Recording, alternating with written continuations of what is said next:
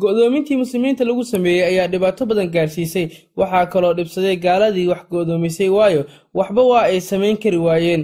Qayb ka mid ah fardahooda qoreysh ayaa meel yar oo cariiri ah waxa ay ka soo duseen iyagoo muslimiinta ku soo socda iyadoo aysan ogeyn muslimiinta. Markii ay soo marayeen meel u dhexaysa godka iyo buurta silac ayaa markaasi cali bin abi taalib iyo koox kale oo muslimiin ah ay markaasi ka xireen halkii ay ka soo gudbeen. Kadibna cali ayaa la mubaarasooday cumar ibnu wud al caamiri wuuna dilay wuxuuna ka mid ahaa ninkaasi uu cali dilay fardoolayda quraysh kuwooda ugu geysisan uguna markaasi weyn. Halkaa ayuuna markaasi cali ku dilay oo waxa ay bilaabeen fardoolaydii la socotay ee labada ahaa in ay cararaan oo ay meesha ka baxsadaan. Mar haddii uu cali dilay oo ahaa gaban yar ninkii ugu geysisanaa maalinkii xigtay ayay gaalada isla meeshii ka soo gudbeen. Dagaallo ayaana socday maalinka oo dhan. Khaalid ibnu weliid oo markaa aan muslim ahayn ayaa isku dayay in uu muslimiinta ku markaasi kadiyo. Laakiin alle ma uusan waafajin. Dagaalkana wuu dhammaaday iyadoo aysan dhicin wax dhibaato ah oo weyn. Isbeddelka qaab socodka dagaalka intii dagaalka lagu guda jiray ayaa waxaa soo islaamay nin ka mid ah reer khadfaan oo lagu magacaabo naciim ibnu mascuud. Mana uusan muujinin islaamnimadiisa rasuulka sal alla alay wasalam ayuu u yimid wuxuuna ku yidhi rasuulkii allow waan soo islaamay qoomkayguna ma ogaa in aan muslim ahay ee waxaad doonto ifar wixii aad doonayso i amar wixii aad rabto iidir si aan u sameeyo. Sidaas ayuu yidhi ninkaasi reer khadfaan ahaa ee soo islaamay. Rasuulka sal alla wasalam ayaa yidhi hal nin oo naga mid ah unbaa tahay wax weyn ma soo kordhin kartid ee fidno ma ka dhex abuuri kartaa qolada. Naciim ayaa baxay wuxuuna u tegay reer bani qurayda. Waxay ahaayeen saaxiibo hore wuxuuna yidhi xiriirka naga dhexeeyo waxa uu keensanayaa in aan idinkala taliyo waxa idinka idin dhibaayo qurayda iyo kadfaan quraysh iyo kadfaan waxa ay ka yimaadeen meelo fog waxa ayna ka faa'iidaysanayaan isbahaysigan ayagoo doonaya qaniimo iyo hanti. Haddii aysan awood u yeelanna waa ay iska noqonayaan idinka iyo ninka aa la dagaalamaysaan unbaana isku soo haraya. Awoodna uma yeelan doontaan buu yidhi. Dagaalka hala gelina waxaad tidhaahdaan noo dhiiba qaar ka mida madaxdiina si aan markaasi damaan uga dhiganno oo dagaalkaasina a idinkula galno.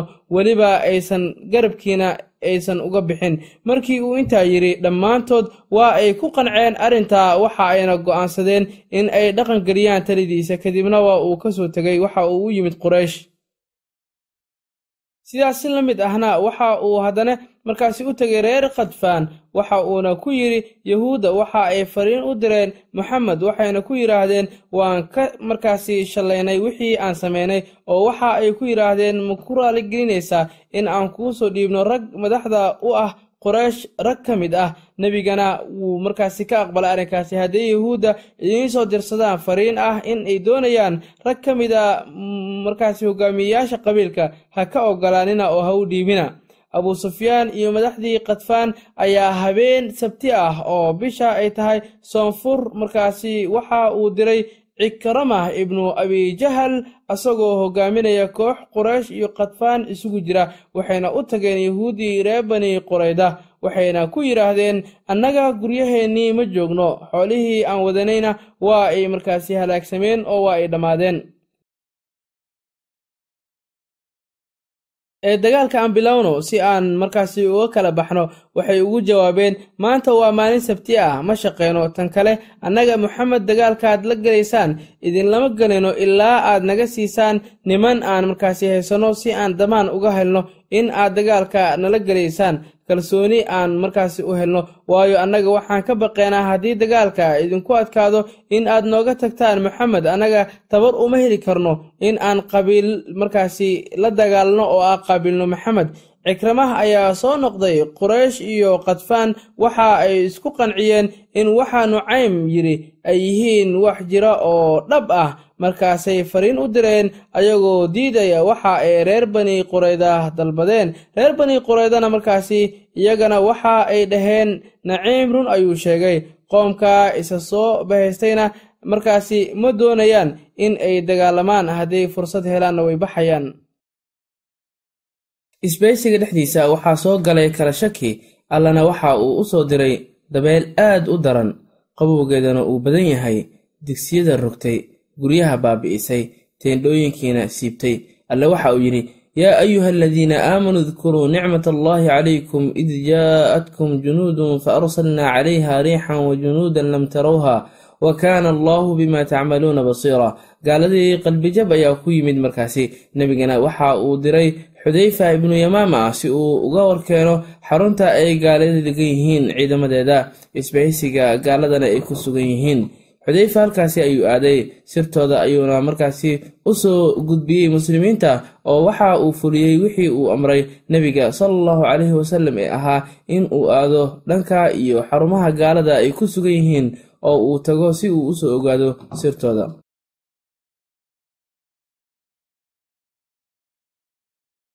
Xilli ay tahay habeen ayuu u disay xudayfa guryihii ay ku sugnaayeen ciidamada gaalada. Kadibna waxa uu u soo laabtay madiina si uu nebiga sala allahu caleyhi wasalam ugu sheego wixii uu soo arkay. Xudayfa ayaa waxa uu yidhi asigoo ka sheekeynaya arrinka.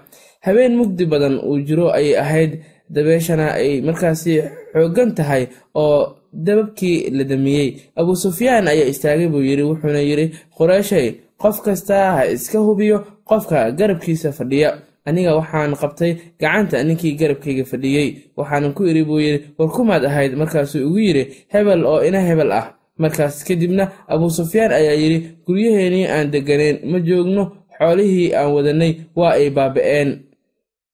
Beni quraydana waa ay markaasi naga tegeen oo waynu iskhilaafnay wax aan dhagaha u fiicneen wayna soo gaareen oo dabeesha dhacaysana dhibaatada naga soo gaartay waad arkaysaan digsi dab ma saaran karno dabna ma shidi karno. Meel aan deegaan ka dhigana ma helayno oo ma haysanno ee naga guuriya meesha wuuna dhaqaaqay buu yidhi xudeyfa ee ninkii abuu sufyaan ahaa isagoo samaynaya dib u gorasho.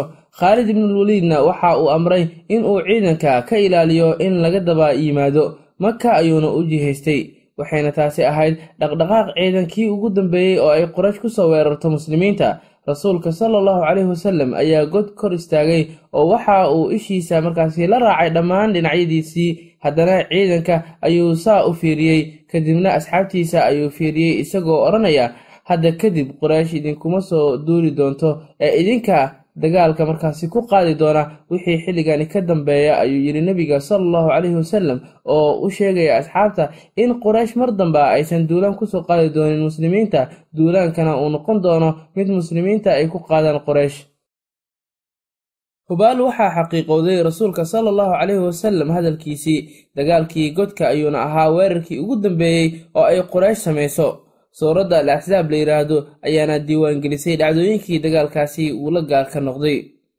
Dagaalkii axsaab kadib muslimiinta ayaa ka soo noqday dagaalka ayaga oo aad u faraxsan kadib markii uu go'doonka markaasi ka dulkacay oo ay ku guulaysteen dagaalka iyagoo dagaalka ka hor jiritaankoodiina uu galay khatar oo ay markaasi ahayd xaalad markaasi aad u adag ay galeen. Dagaalkii godka markii ay soo qaadeen nimankii gaalada ahaa ee soo bahaystay si ay u baabi'iyaan muslimiinta oo ay u cirab jaraan diinta islaamka. Laakiin taa ma aysan dhicin oo waxaa taasi beddelkeeda dhacay in iyagoo guuldarro ay ku dhacday ay ka laabtaan godkii markaasi dagaalka markay soo qaadeen kadib muslimiinta ay qoteen si difaac looga dhigo oo looga hortago.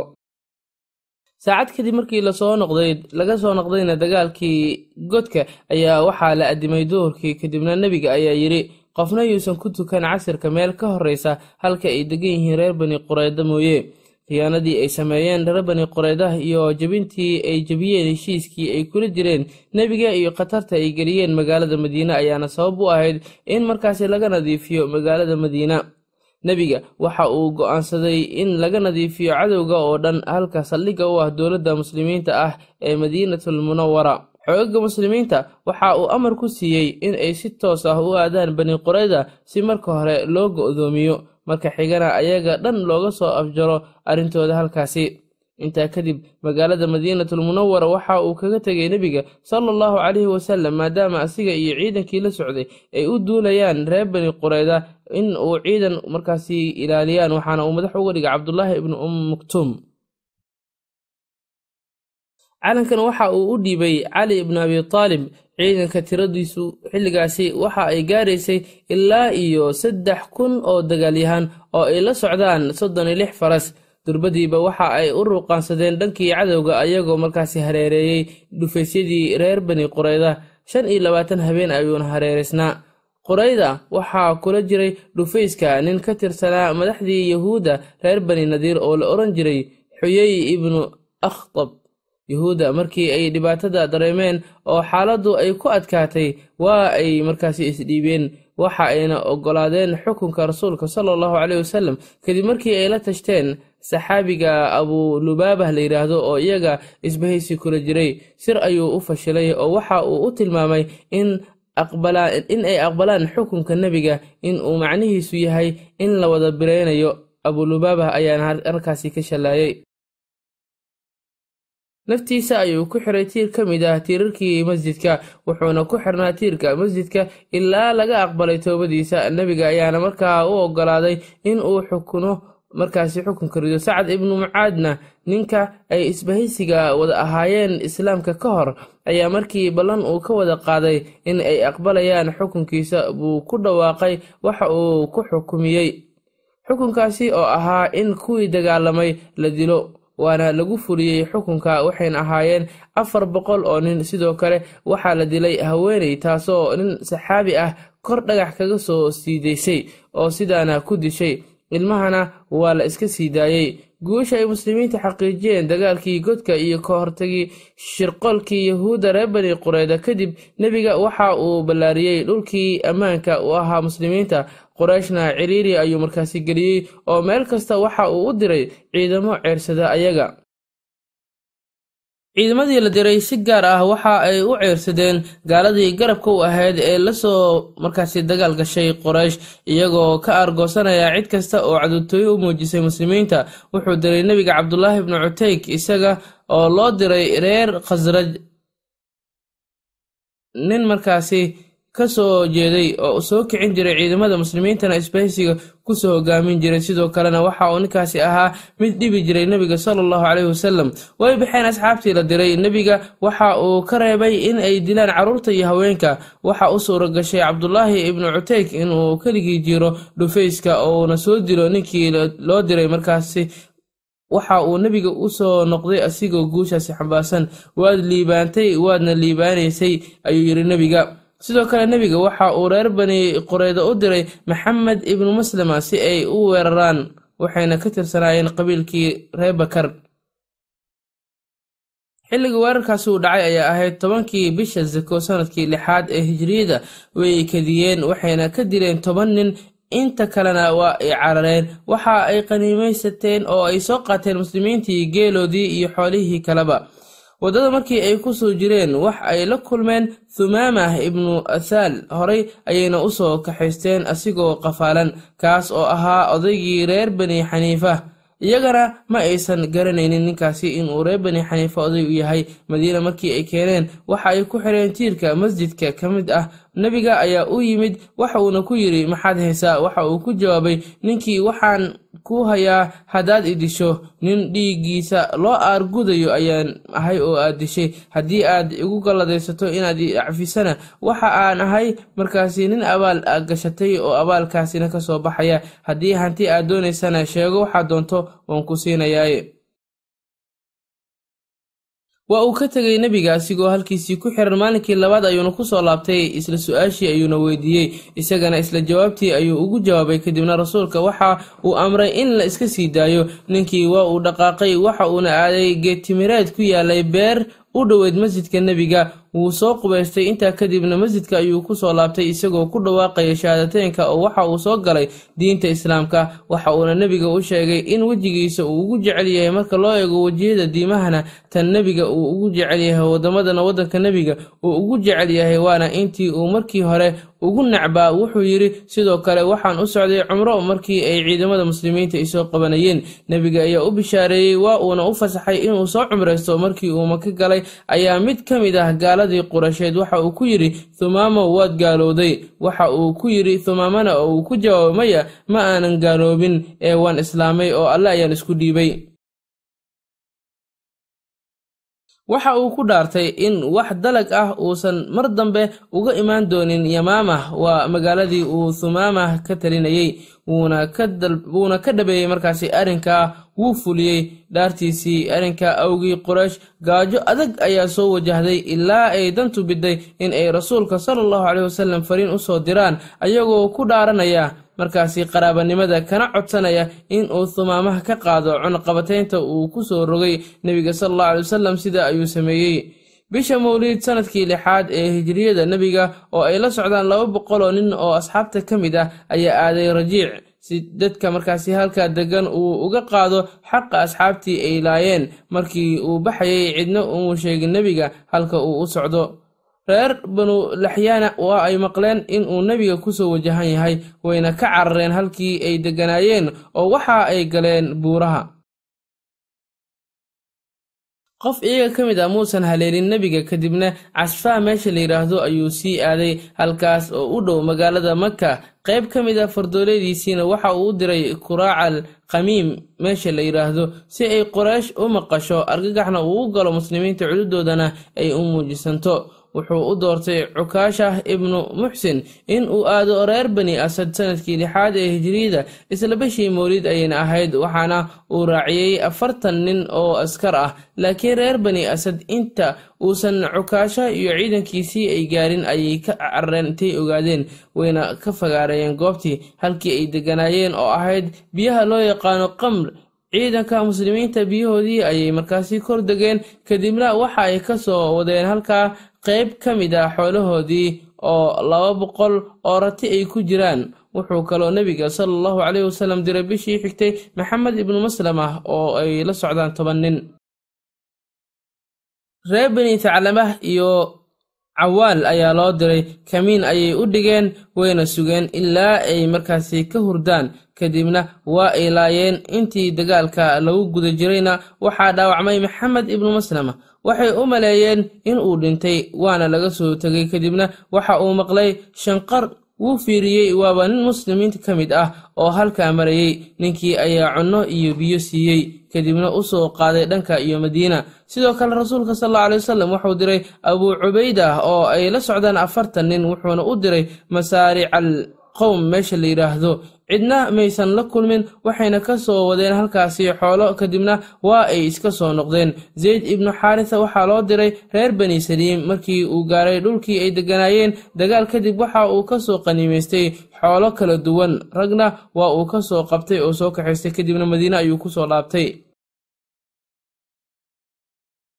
Mar kale ayaa la diray zayd ibnu xaarisa boqol iyo toddobaatan saxaabi isagoo ay la socdaan si ay jidgooyahu ugu sameeyaan safar ganacsi uu ka soo galayay shaam waxaa u suura gashay inay gacanta ku dhigaan qalin fara badan oo uu lahaa safwaan ibnu umaya sidoo kale rag badan ayaa gacanta lagu soo dhigay oo la soo qafaalay kuwaasi oo uu ka mid ahaa abulcaas ibnu rabiic saygii zaynaba bintu rasuulillaahi sala allahu caleyhi wasalam iyada maganteeda ayuuna galay wayna magangelisay. Nebigana waa uu aqbalay magangelinteedii wixii laga qaatayna waa uu u celiyey nebiga kadibna maka ayuu u noqday isagoo kala dhiibay wixii ammaano markaasi ku ahaa isaga gaar ahaantiisa.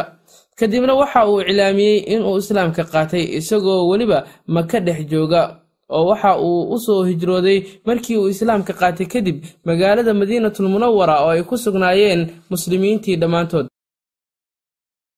kolkii uu islaamay madiinana u soo hijrooday nebiga ayaa u celiyey xaaskiisii zaynaba ay ahayd gabadhii rasuulka dhanka kale zeyd ibnu xaarita ayaa lala diray shan iyo toban nin waxaana la amray in ay aadaan bani taclaba. Way iska carareen kadib markii ay maqleen in rasuulka uu dhankooda u soo dhaqaaqay asxaabtii qaniimo kaga soo markaasi heleen halkaasi. Sidoo kale nebiga bisha shacbaan sannadkii lixaad ee hijiriyada ayuu cabdiraxmaan ibnu cawf waxa uu diray qabiilka la yidhaahdo kalb oo deganaa dowmatal jandal halka la yidhaahdo waxa uuna amray in uu la dagaalo cid kasta oo markaasi ka gaalowda alle. Asna uu iska ilaaliyo in uu wax khiyaano ah uu ku sameeyo.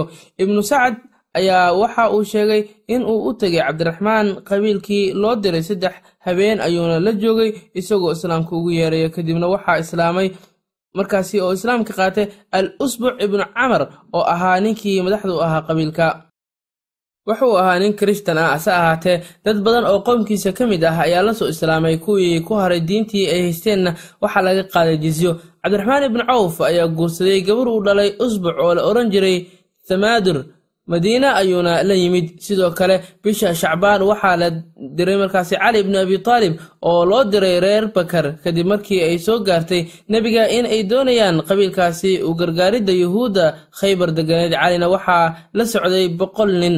Waxay ahaayeen kuwo maalinkiina iska dhuunta habeenkiina dheelmada. Waxa ay gacanta ku dhigeen nin reer loo soo diray khaybar kaasoo yuhuudda u waday fariin ah in ay timirta khaybar siiyaan reer bakar muddo sannad ah si ay garab ugu helaan markaasi iska difaacidda iyo la dagaalanka nebiga.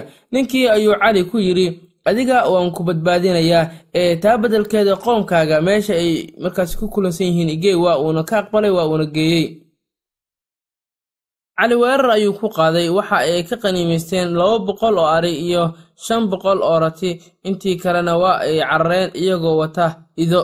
Nebiga sidoo kale waxa uu diray zayd ibnu thaabit kaas oo loo diray ree fasaarah cabdulaahi ibnu rawaaxane waxaa loo diray ninkii yahuudiga ahaa ee la odhan jiray yasiir ibnu rasaan cumar ibnu umayana waxaa loo diray abu sufyaan. Bisha soonfur sannadkii lixaad nebiga waxa uu u yimid laba qabiil oo kale ah cukaal iyo caraaniya waxayna dhaheen nebiga allow waxaan ahayn annaga dad xoololey ah ma ahayn mana ahayn dad markaasi beeraley ah.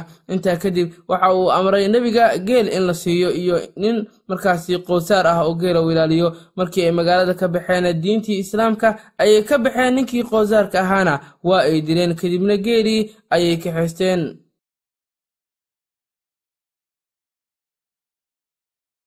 durbadiiba nebiga waxaa soo gaaray. Warkii kadib waxa uu markaasi ka daba diray karz ibnu jaabir wayna soo qabteen. Wuxuu amray in laga jaro gacmaha iyo lugaha lana daldalo. Qur'aan ayaana arrinkaasi ka soo degay ilaahay subxaana wa tacaala wuxuu yidhi innamaa jazaau aladiina yuxaaribuuna allaha warasuulahu wayascuuna fi lardi fasaadan. In yaqtuluu aw yaslibuu aw taqtac aydiyahum waarjulahum min khilaafin aw yanfuu min alard sidoo kale nebiga waxa uu u diray xeebta badda cas abuu cubayda oo ay la socdeen saddex boqol oo nin oo ay dagaalyahano ah waxaana ay u dhaqaaqeen dhanka iyo quraysh. Intii ay howsha ku jireenna waxaa ka dhammaaday jiscinkii ay wateen oo gaajo adag ayaa soo wajahday markii ay ka go'day raashinkii ay wateen oo sahay ahaanta ay u qaateen markoodii hore iyagoo meeshii loo diray markaasi jooga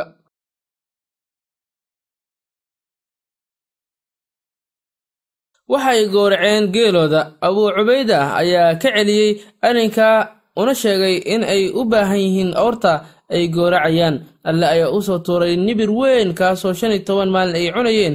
Wayba ka dhargeen waxa ayna u soo qaadeen sidoo kale dhanka iyo nebiga. Nebigana waa uu cunay waxbana maysan ku noqon. Madiine ayay iskaga soo laabteen. Xudaybiya. Nebiga ayaa aaday maka bishii sideedaad bilowgeedii sannadkii lixaad ee hijiriyada isagoo niyeysanaya in uu soo cumraysto. Waxa uuna markaasi ka baqayay nebiga in ay quraysh u diido cumrada oo ay ka hor istaagto ama xitaa ay dagaal la galaan oo aysan suuragal naqanin in cumradaasi ay si nabada ku dhacdo oo quraysh ayuu ka baqayay in ay arrinkaasi ka hor imaato islamarkaana ay is-hortaag ku samayso nebiga sala allahu caleyhi wasalam sidaa daraaddeed nebiga waxa uu u yeeray dhammaan dadkii degganaa hareerihiisa ee reer baadiyaha ahaa si ay ula baxaan. Way ka soo yara daaheen wuxuu la soo safray markaasi ansaar iyo muhaajiriin iyo wixii ka daba yimid ee soo haleelay oo carab ka mid ahaa. Qur'aanka ayaana arrinkaasi caddeeyey waxa uu yidhi allah subxaanahu watacaala xilli uu ka hadlayey سيقول لك المخلفون من الأعراب شغلتنا أموالنا وأهلنا فاستغفر لنا يقولون بألسنتهم ما ليس في قلوبهم قل فمن يملك لكم من الله شيئا إن أراد بكم ضرا أو أراد بكم نفعا بل كان الله بما تعملون خبيرا بل ظننتم أن لن ينقلب الرسول والمؤمنون إلى أهليهم أبدا وزين ذلك في قلوبكم وظننتم ظن السوء وكنتم قوما بورا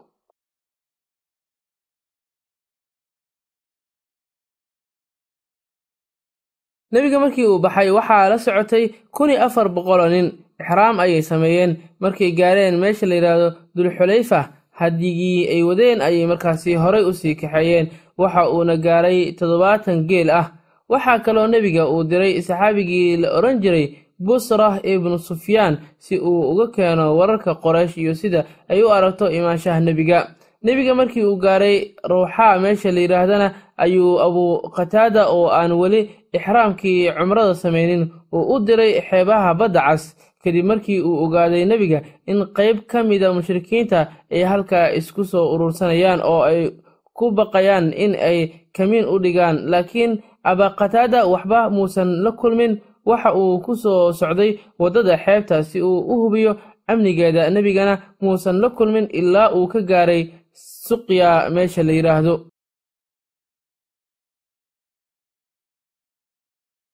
markii ay muslimiinta gaareen meesha la yidhaahdo casfaan waxaa u yimid busr ibnu sufyaan wuxuuna ugu soo warramay in ay qoraysh diyaargaroobayso ayna isa soo urursanayso si ay muslimiinta uga hor istaagaan geridda maka kuraacul qamiim meesha la yidhaahdo ay u direen fardooley hordhac ah.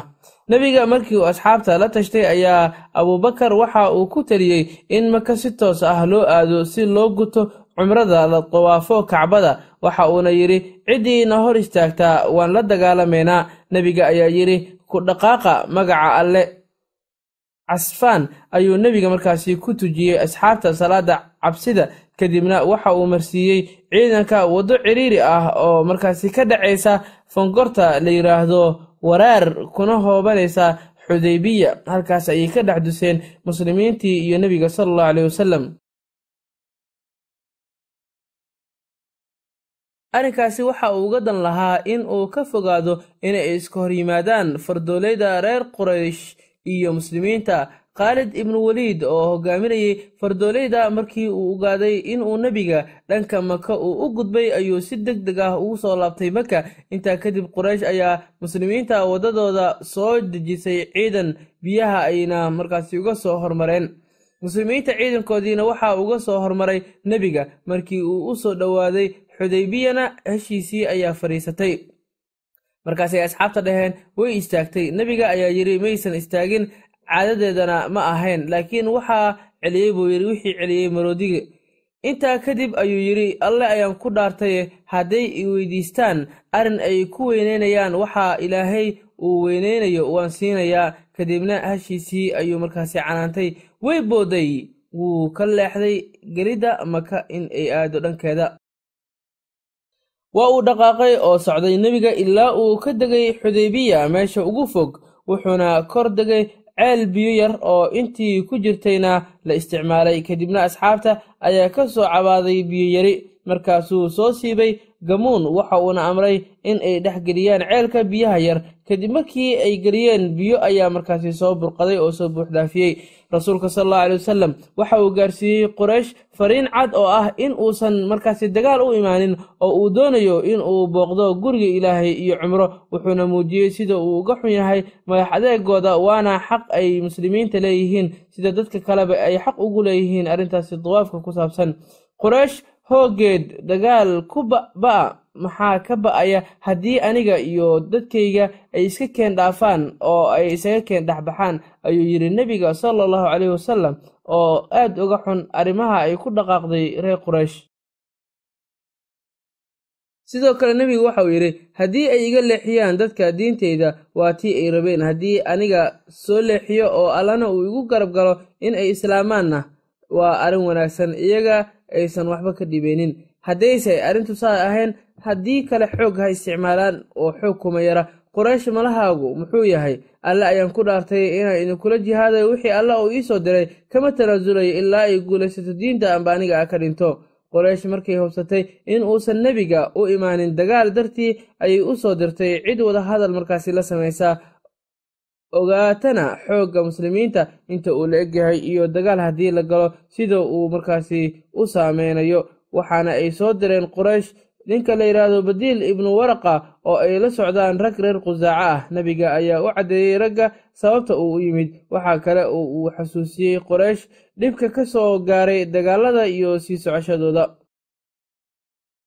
wuxuu u bandhigay in ay wada galaan xabad joojin ilaa waqti xadidan si ay xaaladda u kala caddaado arrintaa ayayna quraysh markaasi u gudbiyeen.